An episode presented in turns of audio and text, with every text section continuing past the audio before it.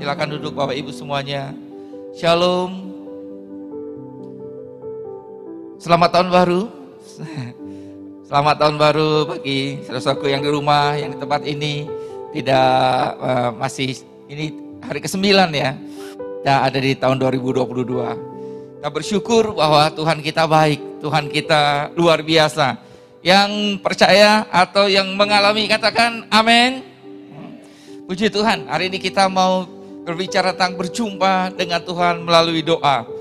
Ya, doa kita tahu bahwa hal ini saat ini sepertinya menjadi sesuatu entah prioritas keberapa bagi banyak orang karena begitu banyaknya kegiatan. Orang-orang semua terhubung antara satu dengan yang lain, ya dengan medsos, dengan gadget. Tidak ada yang salah dengan gadget, tidak ada yang salah dengan medsos. Tetapi kalau kita tidak berhati-hati memang dalam kehidupan kita hari-hari ini sepertinya ya berbicara, menikmati dan juga berkomunikasi dengan Tuhan banyak bagi banyak orang suatu hal yang aneh. Tapi kita tahu bahwa kita bersama-sama sebagai umat Tuhan mengerti. Ada yang menyatakan dan kita semua setuju bahwa doa itu adalah nafas anak-anak Tuhan. Nafas orang Kristen. Setuju ya? Amin. Nah kita mau belajar bagaimana kita menikmati Tuhan. Berjumpa dengan Tuhan melalui doa. Baik, kita lihat satu firman Tuhan, kita akan baca sama-sama dengan suara keras. Kita suarakan dengan suara keras. Kita minta Roh Kudus menyingkapkannya kepada kita.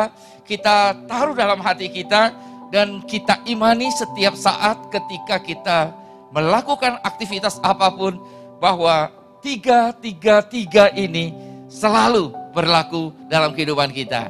Mari kita baca satu dua tiga. Yeremia 33 ayat 3. Berserulah kepadaku, maka aku akan menjawab engkau dan akan memberitahukan kepadamu hal-hal yang besar dan yang tidak terpahami, yakni hal-hal yang tidak kau ketahui.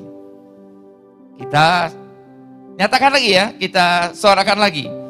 Yeremia 33 ayat 3, 1, 2, 3. Yeremia 33 ayat 3, Berserulah kepadaku, maka aku akan menjawab engkau dan akan memberitahukan kepadamu hal-hal yang besar dan yang tidak terpahami, yakni hal-hal yang tidak kau ketahui. Tiga, tiga, tiga.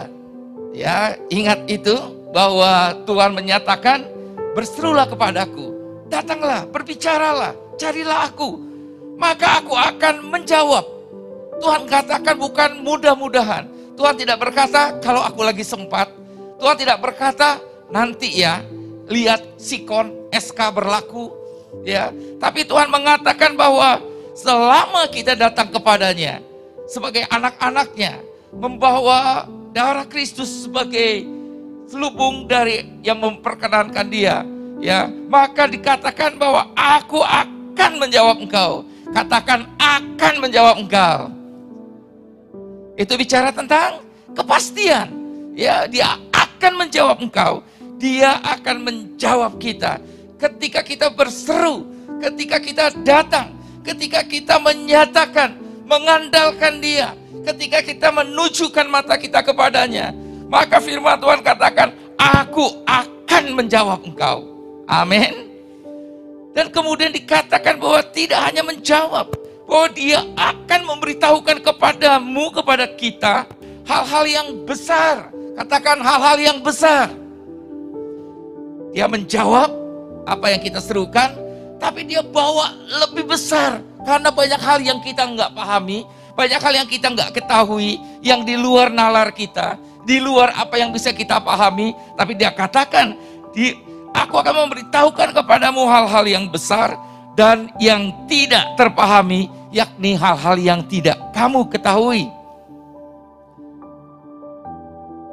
Saudaraku, inilah yang menjadi dasar kita, ya, bahwa dia akan menjawab itu bicara tentang bagaimana dia ingin berinteraksi dengan kita.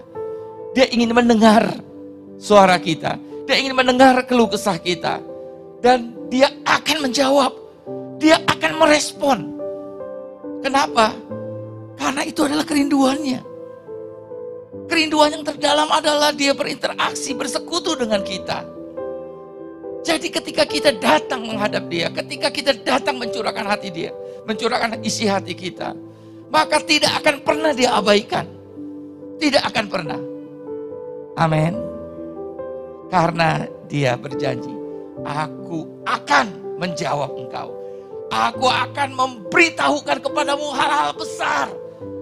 Hal-hal yang luar biasa. Hal-hal yang tidak terpahami. Yang belum kita ketahui tapi itu yang dia siapkan kepada kita. Jadi kita lihat garis ya saya sengaja memberikan uh, bold pada aku akan menjawab akan memberitahukan dia Tuhan kita yang merespon dengan pasti. Amin. Nah, mari kita sekarang bicara dulu tentang berjumpa dengan Tuhan. Apa ya yang dimaksud dengan berjumpa? Kalau tadi kita ketemu dengan seseorang, mungkin kita katakan, oh ya, tadi saya bertemu dengan seorang turis. Ya di jalan, orang bule misalkan. Kita tahu kita bertemu dan kemudian mungkin gak ketemu lagi. Tapi dalam hal ini perkataan berjumpa, perjumpaan tentu bicara tentang interaksi yang intens. Bagaimana berjumpa, bicara tentang bagaimana kita bergaul. Setuju dengan saya? Jadi ketika kita bicara tentang berjumpa dalam doa jangan kita hanya pikir bahwa nanti doa sekali-kali Tuhan datang. Sekali-kali Tuhan akan memberitahukan. Enggak. Karena kita bicara tentang interaksi. Kalau saya berinteraksi dengan istri saya, tentunya ya kita bicara tentang komunikasi timbal balik.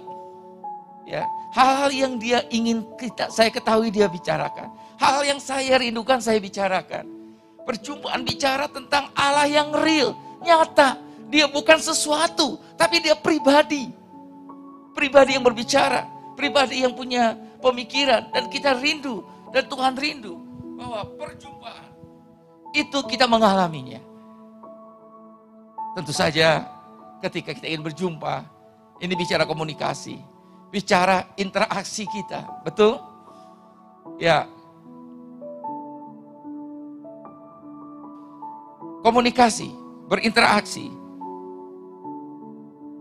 Saya ya saat ini kami ada cucu yang kedua ya yang sering kali datang anak saya untuk ke rumah biasanya uh, pagi-pagi gitu ya jam 9 10 jam 10-an kurang lebih biasanya.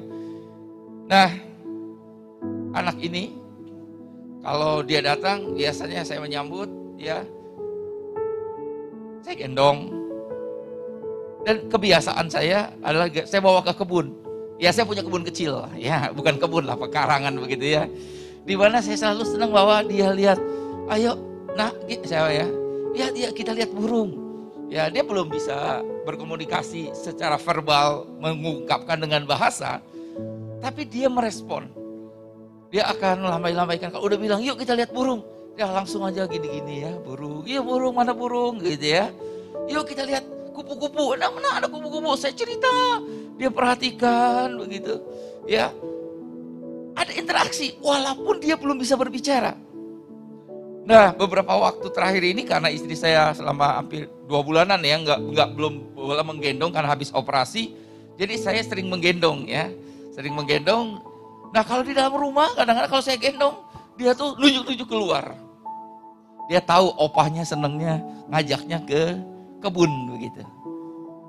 Dalam tingkatan anak, ya belum satu tahun, belum bisa berbicara secara verbal, dia mengerti apa yang menjadi isi hati saya, bahwa dia dikasihi, bahwa opanya tuh senangnya bawa ke kebun, bahwa opanya senangnya tuh cerita. Ya jadi kalau kalau kalau saya gendong biasanya kalau ada ada di sana ya kita ada boneka ada apa ya, ya saya cerita seolah-olah dia berbicara dan dia dia menikmati. Belum bisa bicara. Itulah yang saya pikir ya kita interaksi. Kita akan bertumbuh di dalam perjumpaan itu. Kita akan bertumbuh sesuai dengan tingkat kedewasaan rohani kita. Ada begitu banyak yang Tuhan siapkan pada kita. Kepada cucu saya, ya pada waktu dulu anak saya juga sama ketika waktu waktu masih kecil yaitu kebiasaan saya bercerita saya tidak akan memberitahukan sesuatu yang tidak mampu dia cerna tidak mungkin anak 11 bulan saya bilang nak karena pap karena opa ini tahu banyak tentang fisika ayo kita belajar tentang relativitas ya pasti tidak dia Tuhan katakan kalau tapi ketika dia menangis semua pasti ada, ada apa nih dengan, dengan anak? Tidak mungkin kan ketika anak kita cucu, uh, ya dalam hal ini ya saya merefleksikannya dengan cucu, dia nangis, kemudian kita bilang, sorry, opa lagi banyak urusan. Gak mungkin. Kita akan langsung tolong. Tetapi dalam interaksi kita membicarakan sesuatu kita akan sesuaikan dengan tingkat pengertian dia. Saya bicara tentang burung, tentang kita, eh, tentang hal-hal yang sederhana. Ketika Tuhan kata, aku akan menjawab engkau. Ketika engkau berseru, ketika cucu saya bilang, ah begitu, semua pasti akan, ada apa nih? Gak mungkin cuek. Seperti yang Tuhan kata, aku akan menjawab. Bagaimana caranya kita menjawab? Saya, kita akan langsung datangi. Anak gitu kan, ada apa ini? Begitu kan? Tetapi aku akan memberitahukan hal-hal yang besar, hal-hal yang meningkat sesuai dengan tingkat pertumbuhan dia. Sayang sekali kalau kita tidak terus berinteraksi datang kepadanya. Ada perbendaharaan yang luar biasa di dalam surga yang dia siapkan kepada kita. Ya Efesus 1 ayat 3 menyatakan bahwa dia telah menyediakan segala berkat kali itu untuk kita anak-anaknya. Untuk itu kita perlu berkomunikasi, berinteraksi. Amin. Karena dari situ saya yakin makin lama makin dia makin tahu kerinduan opanya. Ya, tapi dalam hal ini tentu saja bicara refleksinya ayah dengan anak ya. Oke. Nah, jadi pada dasarnya berdoa kita tahu sama-sama berdoa itu ya menyatakan tentang simpelnya, sederhananya. Doa itu adalah percakapan dua arah antara saya dengan Allah. Amin. Percakapan, interaksi, komunikasi dua arah. Inilah yang disebut dengan doa. Jadi kalau selama ini mungkin banyak teman-teman kita di luar sana hanya berbicara tentang aktivitas. Sekian kali sehari, sekian hari seminggu, atau bahkan juga mungkin kita sering kali mungkin berpikir hanya oh doa makan, doa tidur sebelum makan, ya oke. Okay. Tapi Tuhan katakan enggak begitu. Ini bicara perjumpaan, bicara terinteraksi. Bukan hanya berjumpa sekali untuk kemudian sekali-kali bertamu, tapi dia rindu hubungan antara bapak dan anak yang bisa saling mencurahkan isi hati. Dan kita tahu, ketika kita bergaul dengan orang hebat, kita akan menjadi hebat. Ya, ada seorang yang bernama John C. Maxwell, dia punya sebuah komitmen, dia memberitahu satu rahasia. Cara dia meningkatkan level kehidupan dia. Dia akan, ya dia bilang dia menyediakan waktu untuk bergaul. Jadi kalau dia dengar dia banyak baca buku, oh ada orang anu yang hebat hamba Tuhan. Dia menulis surat, meminta supaya bisa tinggal beberapa hari untuk bergaul. Sebab dia prinsipnya dia mengerti. Kalau kita bergaul, ayam ketemu ayam maka kita akan belajar untuk untuk mengais-ngais dan ya mematuk-matuk seperti ayam. Bergaul dengan Raja Wali, kita akan terbang tinggi seperti Raja Wali. Bergaul dengan Tuhan. Bisa bayangkan? Pasti dahsyat hidup kita. Pasti dahsyat dampak yang kita akan berikan. Semua orang yang berjumpa dengan Tuhan dan terus berinteraksi dengan Kari. Kita lihat apa yang terjadi dengan Nuh, apa yang terjadi dengan Musa, apa yang terjadi dengan Daud, apa yang terjadi dengan Paulus. Orang yang bergaul terus dengan Tuhan, maka dia akan menyerap dan menikmati dan kemudian berubah, gak, gak, gak kerasa kemudian menjadi semakin serupa dengan Tuhan. Amin. Jadi itulah perjumpaan. Kita berinteraksi dalam doa, dalam firman. Ya karena itu tidak bisa di, pisahkan antara doa dan firman karena dia berbicara melalui firmannya. Ya. Nah, jadi pada dasarnya adalah pembicaraan dua arah, dialog, interaksi. Bukan hanya kita sepertinya sudah punya sebuah apa? sebuah kalimat datang ke Tuhan, udah pasti nyerocos itu. Begitu ya. Seperti mantra begitu ya. Enggak, bukan begitu. Tapi berjumpa sama seperti kita bergaul dengan seseorang. Ya. Jadi yang yang penting sekali kita harus mengerti, sadari Sadari bahwa Bapa di sorga sangat merindukan bersekutu, sangat merindukan untuk bercengkrama dengan anak-anaknya. Kalau kita perhatikan esensi dari kenapa Yesus datang ke dunia, kita mengerti bahwa karena Bapa rindu bersekutu dengan manusia yang diciptakannya. Dan dia bayar harga yang sangat mahal yaitu anaknya yang tunggal. Jadi kalau itu kerinduan Tuhan, dan kalau kita sambut, dahsyat. Perubahan pasti terjadi. Hal-hal besar pasti luar biasa terjadi dalam hidup kita. Amin. Ketika Tuhan Yesus mengatakan dalam Matius 11 ayat 28, Marilah kepadaku. Semua yang letih lesu dan berbeban berat, aku akan memberi kelegaan kepadamu. Ini tidak hanya bicara tentang seseorang yang sedang dalam keadaan terbeban datang, dilepaskan. Tapi dia ingin mengatakan, dia mengundang siapa pun, keadaan apa pun, marilah kepadaku. Aku akan memberi kelegaan itu bukan seperti orang haus langsung diberi minum dijawabkan enggak begitu. Tapi dia ingin mengatakan bahwa orang yang lemah letih lesu itu kalau mengenal dia, mengenal tentang kuk yang dia pasang, mengenal tentang proses yang dia siapkan untuk kebaikan kita, maka kita melihat lega karena kita tahu Tuhan yang mengasihi kita tidak pernah melupakan kita. Jadi kalau kita berpikir hanya saya datang dengan beban lalu bebannya terangkat, belum tentu masalahnya terangkat. Tapi bisa jadi kita yang Tuhan membuat lebih kuat sehingga masalah itu menjadi nggak masalah lagi bagi kita. Benar? Dengan kata lain bahwa ketika kita datang kepadanya pasti ada solusi. Karena dialah jalan. Enggak ada yang namanya jalan buntu. Amin. Ya, pertanyaannya adalah bagaimana respon kita. Kita tahu dia begitu rindu. Dia kita tahu bahwa dia bayar harga sedemikian mahal. Hari ini dia ingin menyatakan bahwa Tuhan Bapa di surga sangat merindukan bersekutu dengan engkau.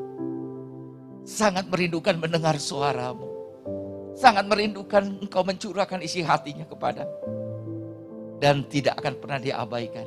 Dia pasti menjawab. Dia pasti membawa kita lebih tinggi lagi, memberitahukan kepada kita hal-hal yang besar, memberitahukan kepada kita hal-hal yang belum terpahami saat ini. Tapi kemudian sedikit-sedikit akan berikan.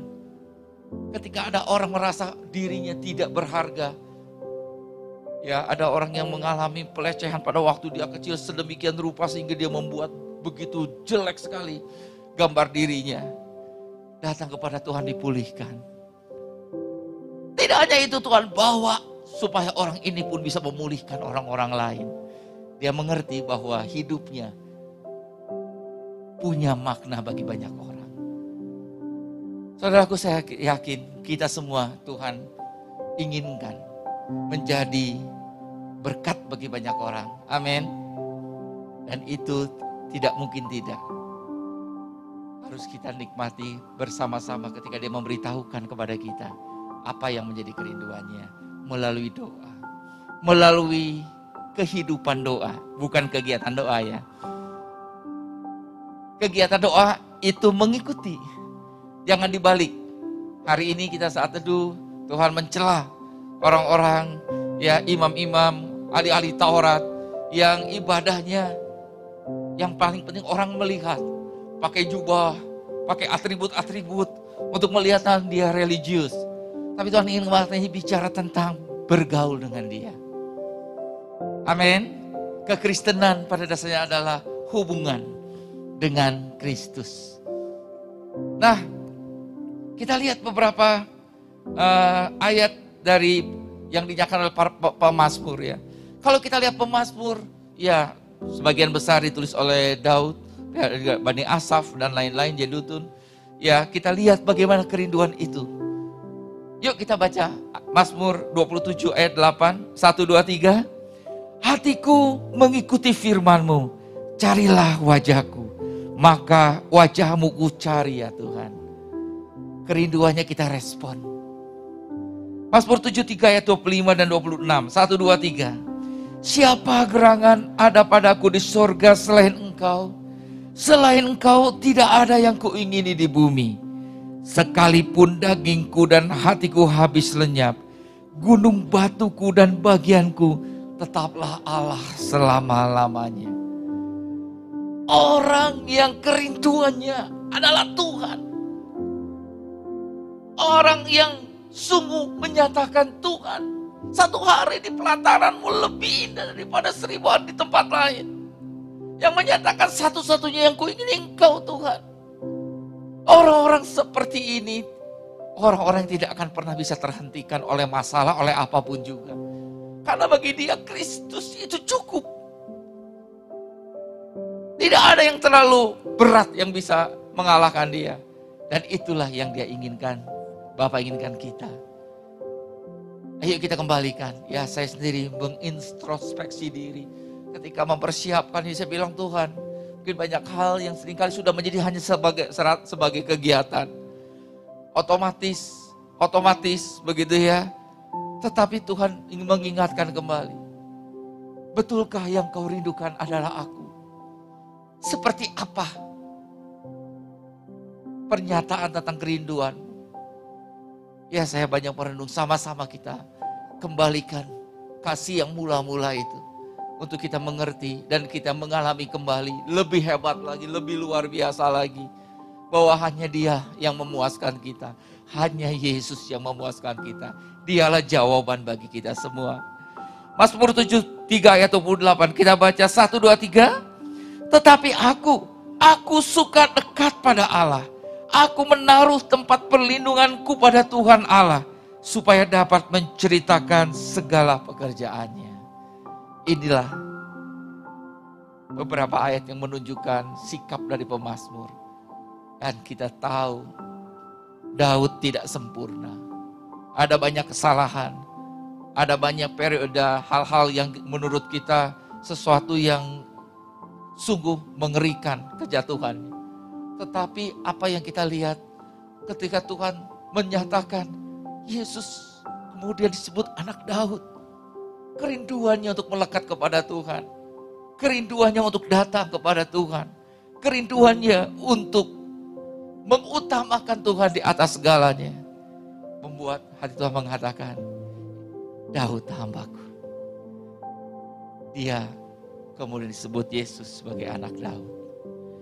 Nah kalau kita lihat kurang lebih seperti ini ya, yang kita bisa ya berjumpa, bicara tentang bergaul.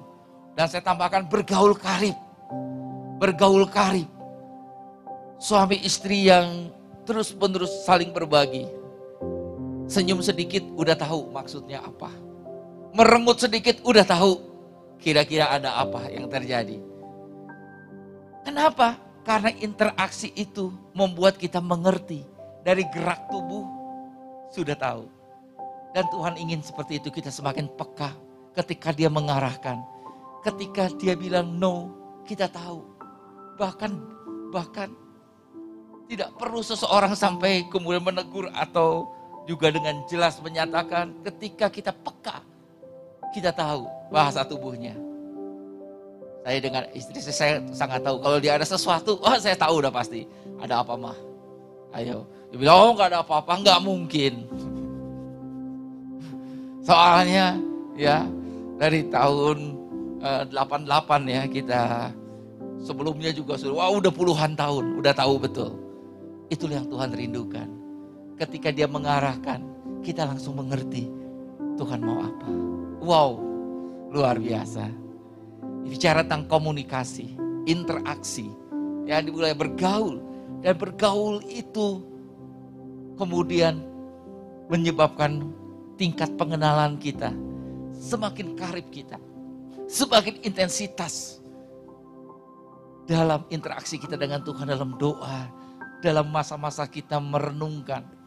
Bahkan sering kali doa yang terdalam sering kali tanpa kata-kata. Ketika kita diam, ketika kita menyaksikan banyak hal, ketika kita merenungkan, Tuhan bicara, kita mengerti. Jadi doa itu bicara komunikasi, medianya tidak selalu kata-kata kalau dengan Tuhan. Bisa jadi air mata kita menjadi komunikasi. Tapi yang jelas bahwa kita semakin mengenal, kita semakin peka. Dan ketika kita mengenal, kita hanya bisa mengasihi Tuhan sejauh kita mengenal dia, saudaraku. Sejauh kita mengenal, sejauh apa sebegitulah kita akan mengasihi dia. Ketika Rasul Paulus mengingat, merenungkan, semakin dalam. Dia rasul yang luar biasa. Tapi dia tidak pernah bisa mau menepuk dada. Dia mengatakan aku adalah yang terkecil. Kenapa? Karena dia dia dia dia melihat. Dia merasakan. Dia semakin mengenal begitu baiknya Tuhan Yesus. Jadi tingkat itu menyebabkan pengenalan kita, pergaulan menyebabkan per, pengenalan kita. Dan kemudian kita mentaati sebagai bukti kita mengasihi dia. Dan firman Tuhan mengatakan ketika mengasihi, kita mentaati, dia akan menyatakan diri. Yohanes 14 ayat 21. Dia menjadi realita yang kemudian bisa berinteraksi dengan leluasa dengan kita. Dan pasti terjadi perubahan. Perubahan pola pikir, pola perubahan cara pandang, perubahan cara kita merespon. Karena kita tahu bahwa Allah begitu mengasihi kita. Maka kita merefleksikannya kepada yang lain. Pengenalan itu akan mengubah hidup kita. Sama seperti ya mengubah Rasul Paulus dari Saulus yang begitu kejam menjadi Paulus yang begitu rendah hati dan begitu banyak hikmatnya. Berubah semuanya.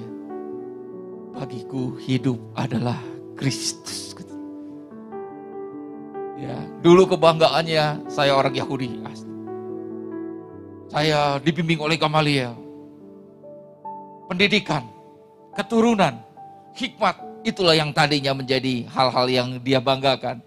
Tapi dalam pengenalannya kepada Tuhan, dia katakan, namun aku hidup, tapi bukan lagi aku yang hidup, tapi Kristus yang hidup di dalam aku. Dan hidupku yang hidup di sekarang dalam daging adalah hidup karena iman. Dia percaya menggantungkan dirinya kepada Tuhan sehingga kita semakin serupa dengan Kristus. Dan pasti sejalan dengan itu, kita akan lebih berdampak di dalam kehidupan. Karena kita mengenal Yesus yang tidak memikirkan dirinya tapi merendahkan dirinya, kita akan melayani dengan cara pandang yang sama. Amin. Jadi kunci kembali ya back to basic kepada dasarnya pergaulan yang intim dengan Tuhan. Menentukan segalanya. Amin. Ya, tentu saja di dalam doa kita juga bicara tentang doa korporat ya, doa bersama-sama. Tapi sebelumnya kita lihat perubahan yang terjadi 2 Korintus 3 ayat 17 ayat 18 mengatakan sebab Tuhan adalah roh dan di mana ada roh Allah, di situ ada kemerdekaan. Merdekaan dari rasa sakit hati, Kemerdekaan dari cara pandang yang picik dan bodoh. Kemerdekaan dari apa pun juga ketika kita bergaul dengan Tuhan, kita bergaul dengan Roh Kudus, maka di situ ada kemerdekaan. Amin. Dan kita semua mencerminkan kemuliaan Tuhan dengan muka yang tidak berselubung. Dan karena kemuliaan itu datangnya dari Tuhan yang adalah roh, maka kita diubah menjadi serupa dengan gambarnya dalam kemuliaan yang semakin besar. Jadi sekali lagi perjumpaan dengan Tuhan itu bicara tentang perjalanan yang tidak habis-habisnya. Dari satu fase ke fase yang lain, dari satu tingkatan ke dalam ke tingkatan ke dalam yang lain. Semakin serupa, semakin serupa. Ya tentu saja kita juga bersama-sama berdoa di dalam doa korporat ya. Doa bersama-sama. Firman Tuhan katakan bahwa Aku berkata kepadamu sesungguhnya apa yang kamu ikat di dunia ini akan terikat di sorga dan apa yang kamu lepaskan di dunia ini akan terlepas di sorga. Dan lagi aku berkata kepadamu, jika dua orang daripadamu di dunia ini sepakat meminta apa pun juga, permintaan mereka itu akan dikabulkan oleh Bapakku yang di sorga. Sebab di mana dua atau tiga orang berkumpul dalam namaku, di situ aku ada di tengah-tengah mereka. Jadi jawaban solusi itu sebab. Maksudnya adalah jawabannya kuncinya adalah karena Yesus ada di tengah-tengah. Jadi kalau Yesus kita berikan tempat yang tertinggi dalam keluarga kita, maka tidak ada yang tidak bisa terpecahkan. Apa pun keberadaannya. Sebab ketika suami istri berdoa sepakat meminta tentang anak-anaknya, meminta tentang hal-hal yang Tuhan siapkan, Tuhan katakan, "Aku akan menjawab." Ikat, lepaskan, jangan biarkan iblis ya mencuri, jangan biarkan iblis menggocok. Proaktif, ada dampak, ada kuasa yang luar biasa saat kita bersama-sama berdoa. Amin. Kuncinya apa? Sebab di mana dua atau tiga orang berkumpul dalam namaku, di situ aku ada di tengah-tengah mereka. Yesus pribadi, Yesus itulah jawabannya. Pada saat kisah 4 ayat 29 ayat sampai 31, kisah ini tentang tadinya uh, ya Rasul Petrus dan Yohanes yang ditangkap karena menyembuhkan orang yang lumpuh.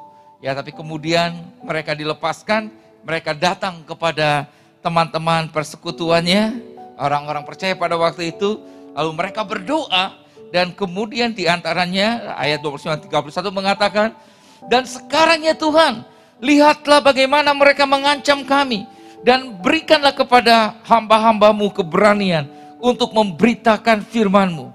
Ulurkanlah tanganmu untuk menyembuhkan orang dan adakanlah tanda-tanda dan mujizat-mujizat oleh nama Yesus hambamu yang kudus. Dan ketika mereka sedang berdoa, goyanglah tempat mereka berkumpul itu. Dan mereka semua penuh dengan roh kudus. Lalu mereka memberitakan firman Allah dengan berani. Dampaknya sampai saat ini kita bisa berkumpul dan mengenal Tuhan Yesus.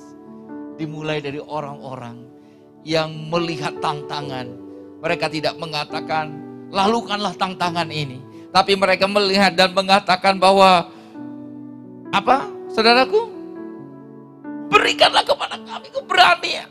Berikanlah kepada kami cara. Berikanlah kepada kami keberanian untuk memberitakan firmanmu. Dan ketika itu jawaban adalah goyanglah tempat mereka berkumpul.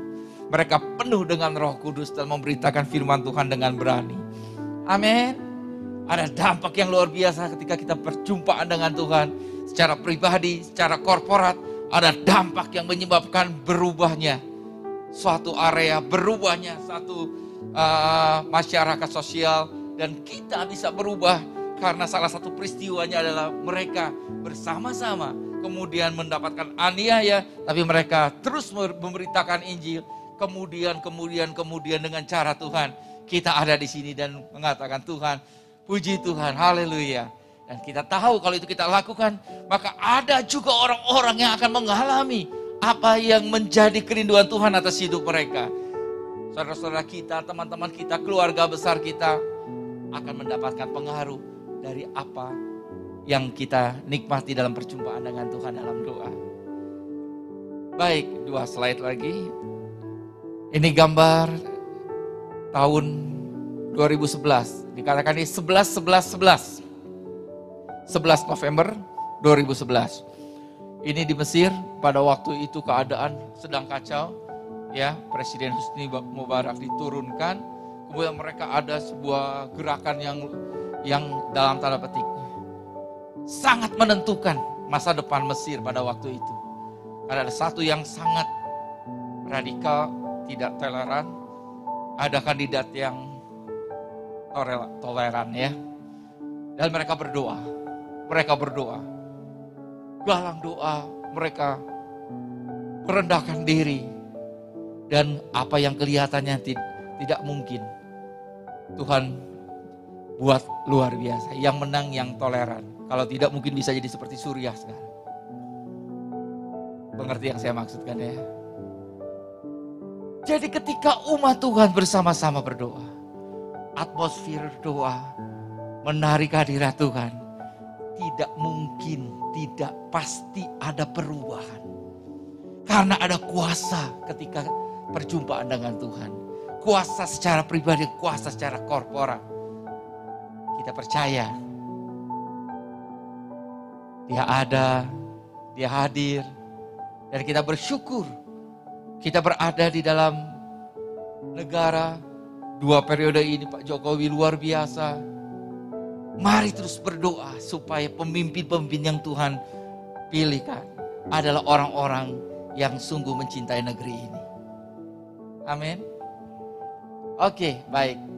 Jadi, mulai berdoa lagi dengan cara yang benar yang Tuhan inginkan, interaksi dengan Dia. Teruslah berdoa, berdoa senantiasa. Amin. Secara pribadi dan korporat. Tuhan Yesus memberkati.